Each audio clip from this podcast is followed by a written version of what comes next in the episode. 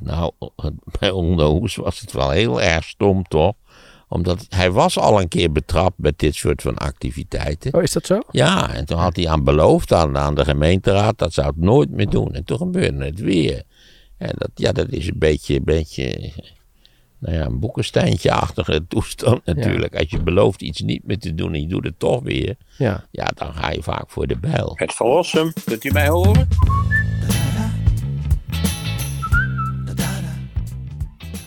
Overigens ook nog een onderzoek over de Nederlandse politiek. 77% van de Nederlanders vindt dat uh, de Haagse politiek te veel met zichzelf bezig is. En de burgers zijn moe van de constante opstootjes in Den Haag. Veel te veel bezig met incidentenpolitiek is de conclusie. Ja, dat was 40 jaar geleden ook zo, denk ik. Oké, dus dat is, dat is dus van alle tijden. Dat zou ik graag voor vergelijkend onderzoek zien.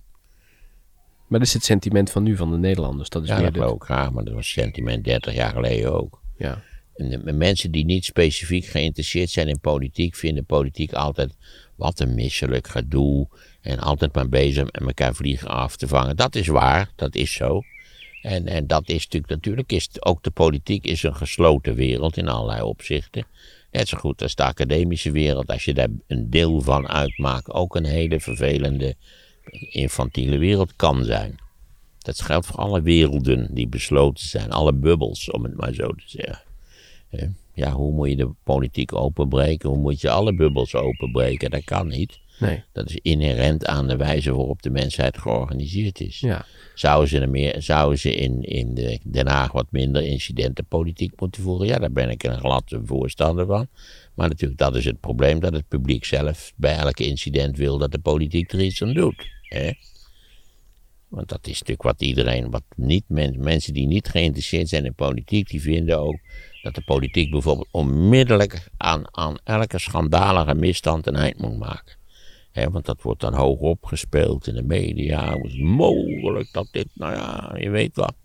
Ja, dus in die zin is, de, is ook de, de media-aandacht, die gestuurd wordt voor een belangrijk gedeelte doordat mensen dat lezen of bekijken, die is mede verantwoordelijk voor de incidentenpolitiek. De incidenten worden meestal veroorzaakt door de media.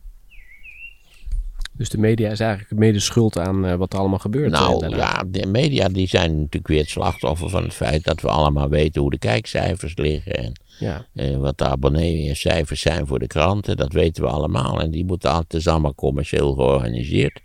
En dus moet er, moet er gereageerd worden op het getalsmatige succes. Ja, maar dat weten de politici natuurlijk ook. Ja, als, als wij natuurlijk vernemen dat, dat, we, dat we met die podcast dat de laatste luisteraar afgehaakt heeft in Boxmeer, dan gaan wij ook stoppen.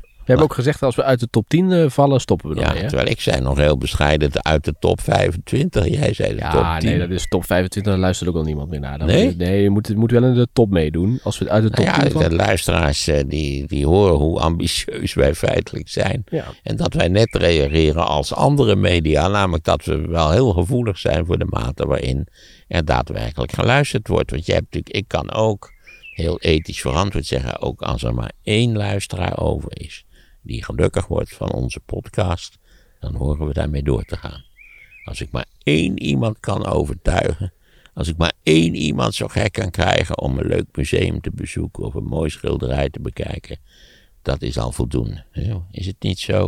Als je één mens kunt redden, heb je de mensheid gered. Ja, dat ik gezegd. bedoel, ik borduur even voor op, op Ja. dit, op dit eh, wat idealistisch eh, gefundeerde thema. Maar Ja. Maar het is hetzelfde toch ook bij de slimste. Als daar geen mensen meer naar kijken, stop je er ook mee. zonder meer. Nou, ik niet. Ik bedoel... eh, Dan stopt de producent of ja, de dan, omroep. dan, dan houdt de, nee, de docent Magda Klein. dus even zeggen, we moeten nou eens nou wat anders doen, een ander quizje.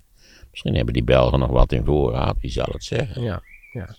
Ehm, wat wilde ik nou nog zeggen over dit eh, gebeuren? Over, oh ja, over Den Haag inderdaad. Je ziet natuurlijk dat die politici heel goed weten inderdaad van oké, we moeten dit sturen naar de omroepen. Ik kan me Martijn van Helvert nog herinneren. Die zat bij het CDA. Als die weer ergens op een schip ging zitten, hè, naar een booreiland, dan stuurde die alle omroepen een sms'je van ik zit binnenkort op een, op een eiland. Ja, Willen jullie mee met de camera? Het probleem is wel een beetje bij mijn weten. Ik bedoel, ik ken ook niet direct een heel gedetailleerd onderzoek ter zake.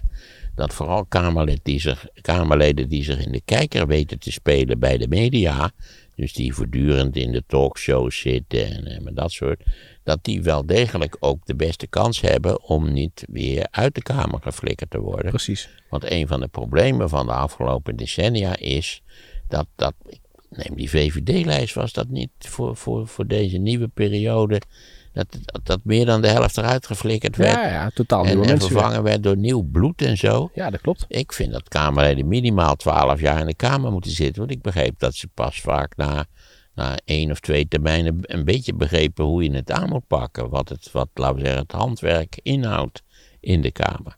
Ik, ben, ik vind dat heel ongelukkig, die mensen die maar een paar jaar in die Kamer zitten en dan weer opkrassen.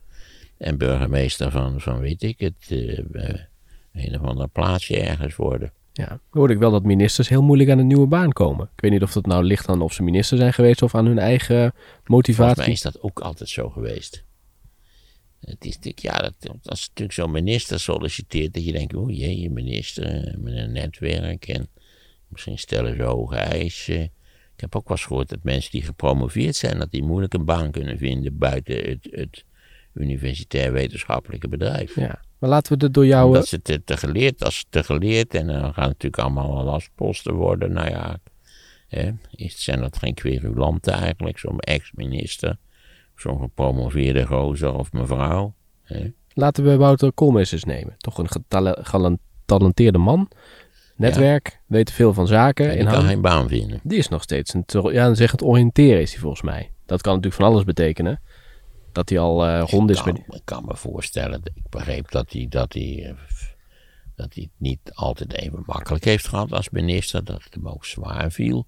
Ik zou het volstrekt eh, legitiem vinden als hij nu wachtgeld krijgt, hij ook. Als hij nu het is bijvoorbeeld drie kwart jaar rustig aan deed.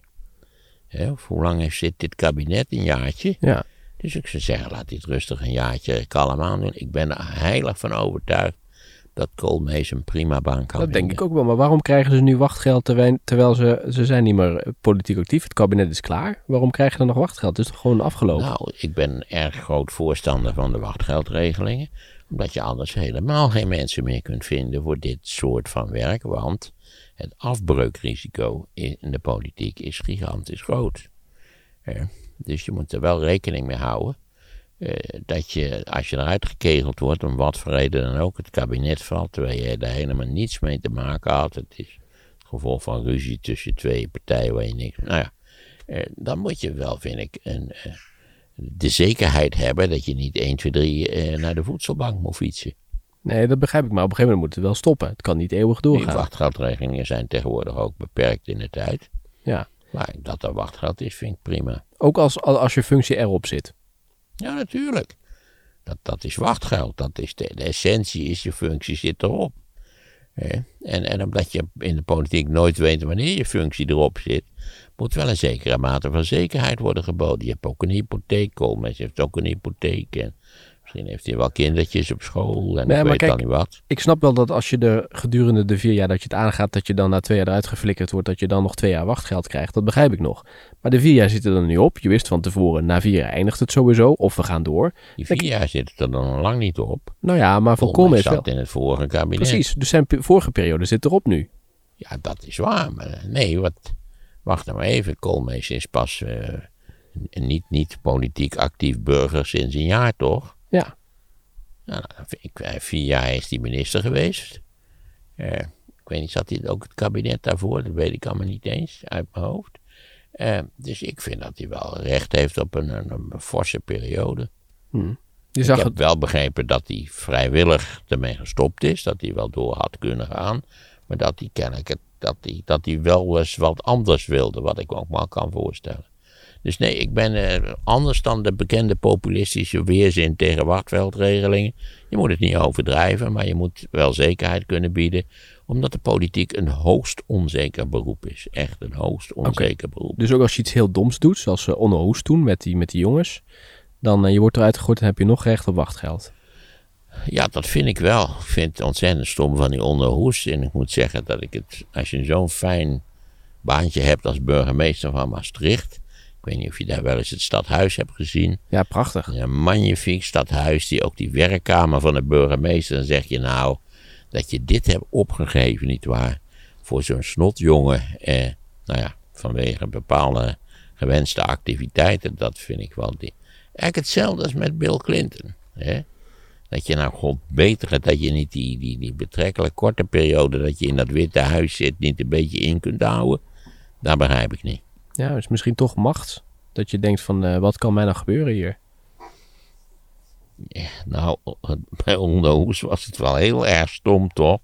Omdat hij was al een keer betrapt met dit soort van activiteiten. Oh, is dat zo? Ja, en toen had hij aan beloofd aan, aan de gemeenteraad dat zou het nooit meer doen. En toen gebeurde het weer. En dat, ja, dat is een beetje, een beetje nou ja, een boekensteintje-achtige toestand natuurlijk. Als je belooft iets niet meer te doen en je doet het toch weer. Ja. Ja, dan ga je vaak voor de bijl. Ja, wat was dat ook? Maar ik vind dat gepeuter aan die wachtgeldregelingen, dat, dat vind ik een populistisch gezwets. Wat was dat Ik ook vind ook dat, je, dat, dat, dat er dus de balken en de norm vind ik ook flauwekul de eerste klas. Waarom? Nou, de minister-president die mag voor mij best meer verdienen dan 180.000 euro. En dat is natuurlijk ook in, in, in, in, hoe heet het, in de zakenwereld stelt daar geen reet voor. Eh, terwijl het een hele verantwoordelijke en belangrijke functie is. Ja. Ik las van de week dat eh, Yvonne Jaspers bij Boer Zoekt eh, ruim 2 ton eh, verdient.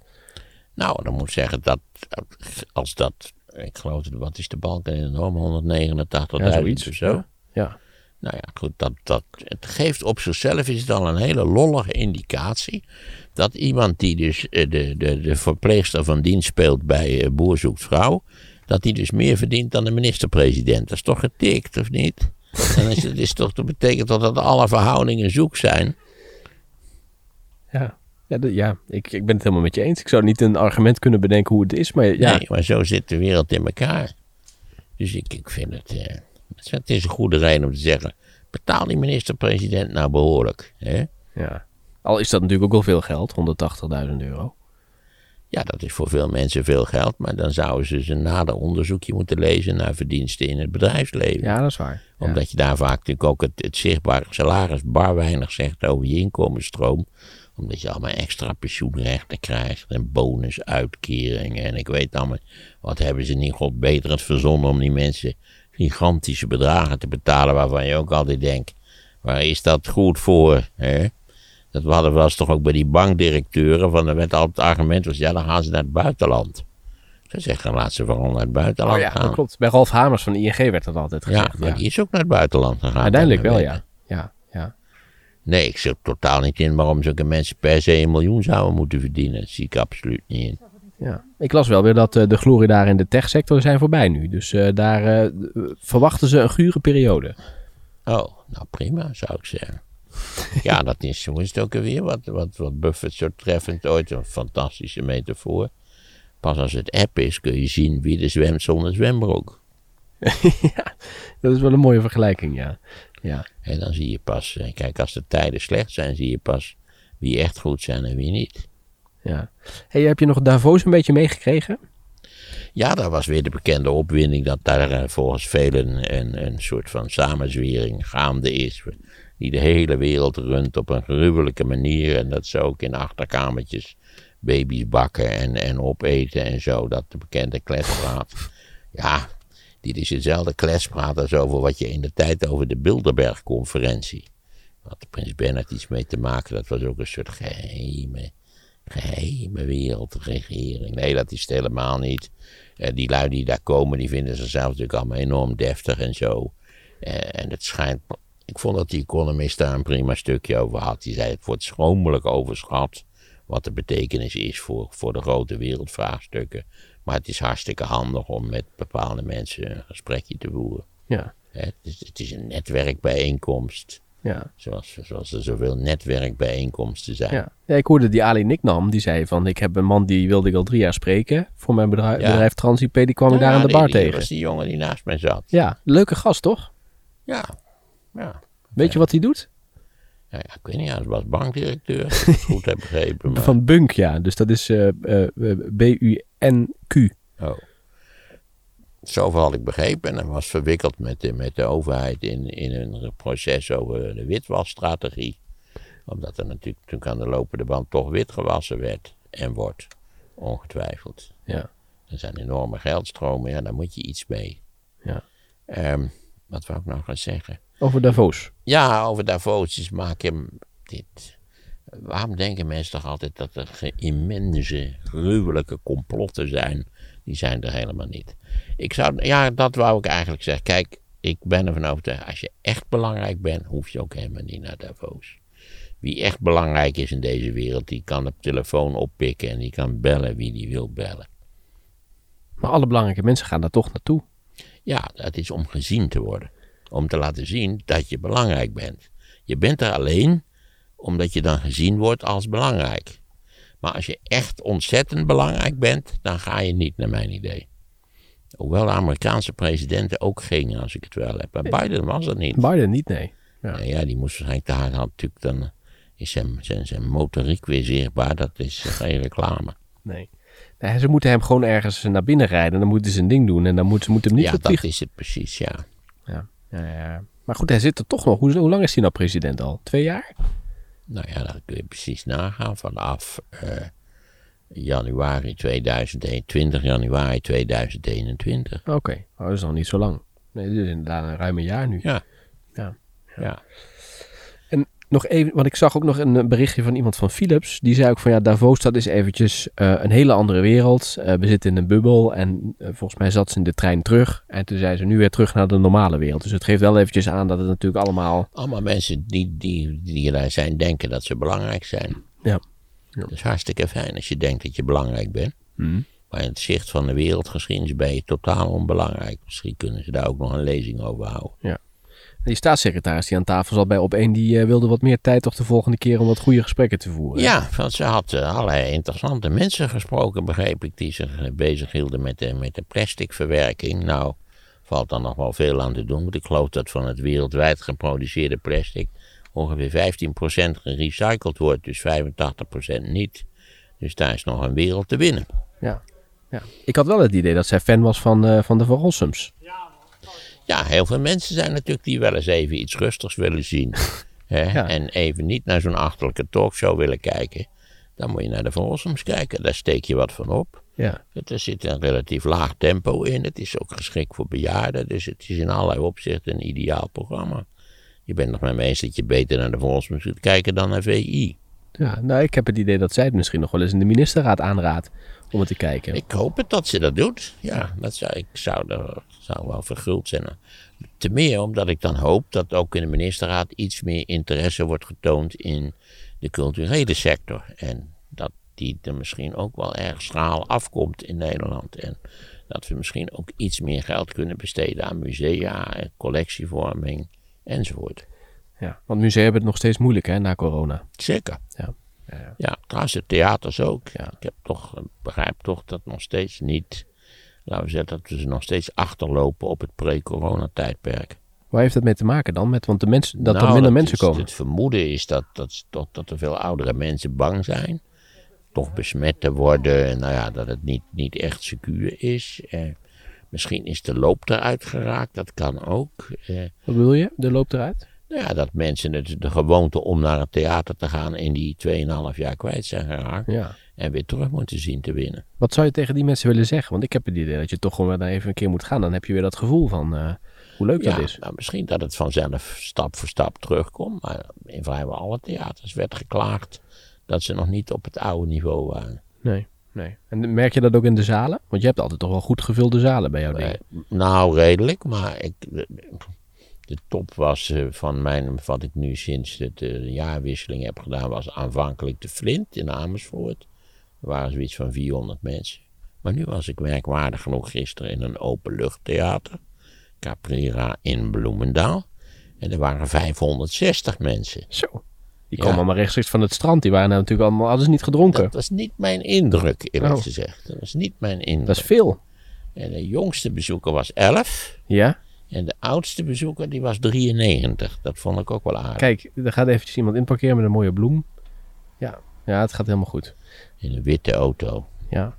Ja, dan weten we wat jij van de witte auto's vindt. Ja, ik ben geen vriend van de witte auto. Nee. Je denkt altijd, is- dat is de huwelijk of zo. Ja. Eh, Ja. Hey, maar dat zijn veel mensen. Want we hadden bij die podcast hadden we ook uh, nou, 500 man, denk ik dat het waren. Misschien net wat meer. Meer? Volgens mij bij de, in de hertzaal waren er bij de 600. Oh ja. Was ja. niet helemaal vol, maar wel bij de 600. Ja, ja, dat is wel veel, ja. En de eerste keer was die uitverkocht, dat is 650. Ja. ja, en de tweede keer net niet. Ja. Waren er acht Dus ja, ik was er ook verrast over, vooral omdat het in de buitenlucht was. was, was dat, wist je dat vooraf? Ja, dat wist ik vooraf, ja. Daar had je geen bezwaren tegen? Nee, ik heb nog opgezocht of het ging regenen gisteren, maar dat was niet het geval. En eh, het is duidelijk dat het publiek daar eh, dat meer, meer met dat bijltje gehakt heeft.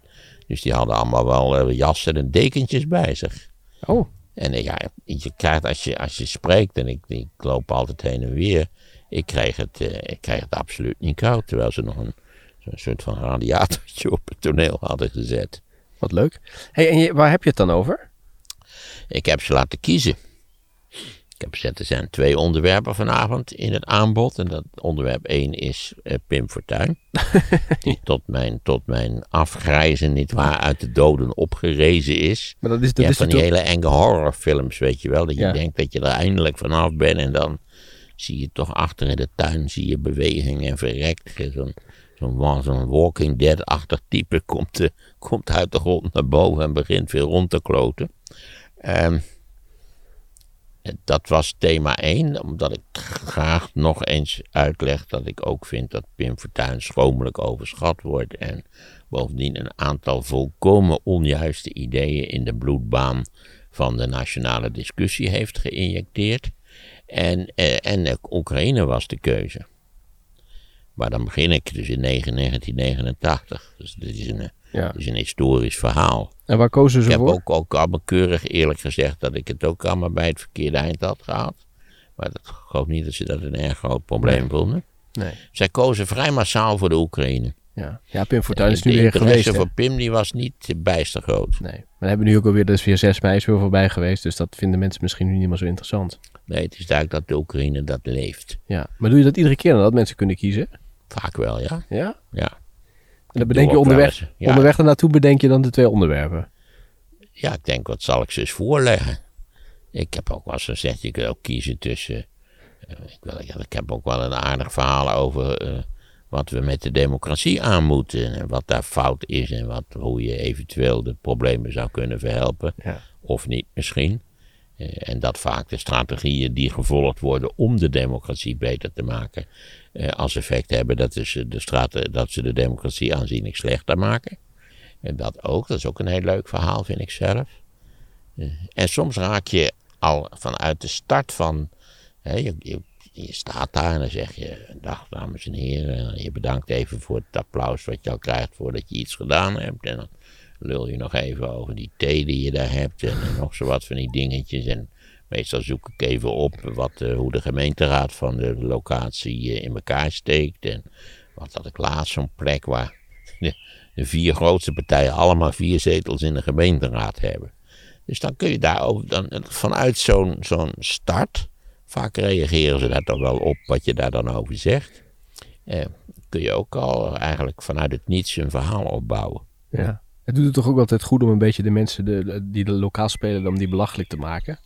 Geweldig. Ook in dit geval eh, werd er enorm gelachen over de samenstelling van de gemeenteraad. Want waar was dit nu? Eh, Bloemendaal was dit. dit was Bloemendaal, maar Ja. daar, daar heb ik het alleen maar over de Oekraïne gehad. Eh, nee, waar was ik nu? Was het Vlaardingen? Nou ja, kan zijn Vlaardingen, maar helemaal zeker weet ik niet. Omdat er in die raad van Vlaardingen of, of, een, of een andere plek zaten wel, ik geloof, vier partijen in die allemaal het Vlaardings Belang, Vlaardingen vooruit, eh, deze keer echt Vlaardingen. dat je echt van die typische lokale partijen, die, dat je weet, die, die komen dan in de raad met vijf zetels en dan binnen drie maanden hebben ze elkaar op de bek geslagen bij, het- bij de voorbereidingen van de raadsvergadering. En dan vallen ze uit elkaar en dan tenslotte krijg je dan dus deze wonderlijke situatie. Nogmaals, ik, ik, ik beschuldig nu Vlaardingen, maar het kan ook een hele andere plaats geweest zijn. Ik haal ze vaak om elkaar heen. Dat is ook misschien al een soort Alzheimer signaal. Eh, Maar ik vond het vrij- vrij komisch dat er wel vier of vijf partijen Vlaardingen vooruit Vrijwel alle gemeentes hebben minstens twee partijen van Ja. Boksmeer aan de slag. eh, eh, nu Boksmeer vooruit. Je komt er vaak ook niet meer uit, denk ik dan. Als je daar bejaarde bent en je moet kiezen, dan denk je alles lijkt op Nee, elkaar. het zijn natuurlijk, natuurlijk, ja, het, het zijn verschijnselen die, ja, die ook samenhangen met het feit dat mensen het niet serieus genoeg nemen. Dat toch vaak, dat vind ik, het, wordt vaak denk ik te weinig aandacht aan lokale problemen besteed. En daar ontstaat dat uit.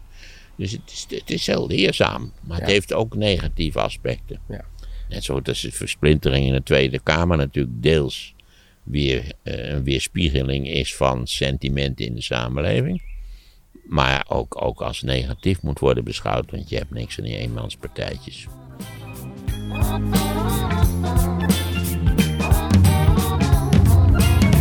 Ja, een boekensteintje-achtige toestand. Vor uns liegt Deutschland, in uns marschiert Deutschland und hinter uns kommt Deutschland. Maarten van Rossum over Hitler. De Joden streefden naar een eigen wereldheerschappij.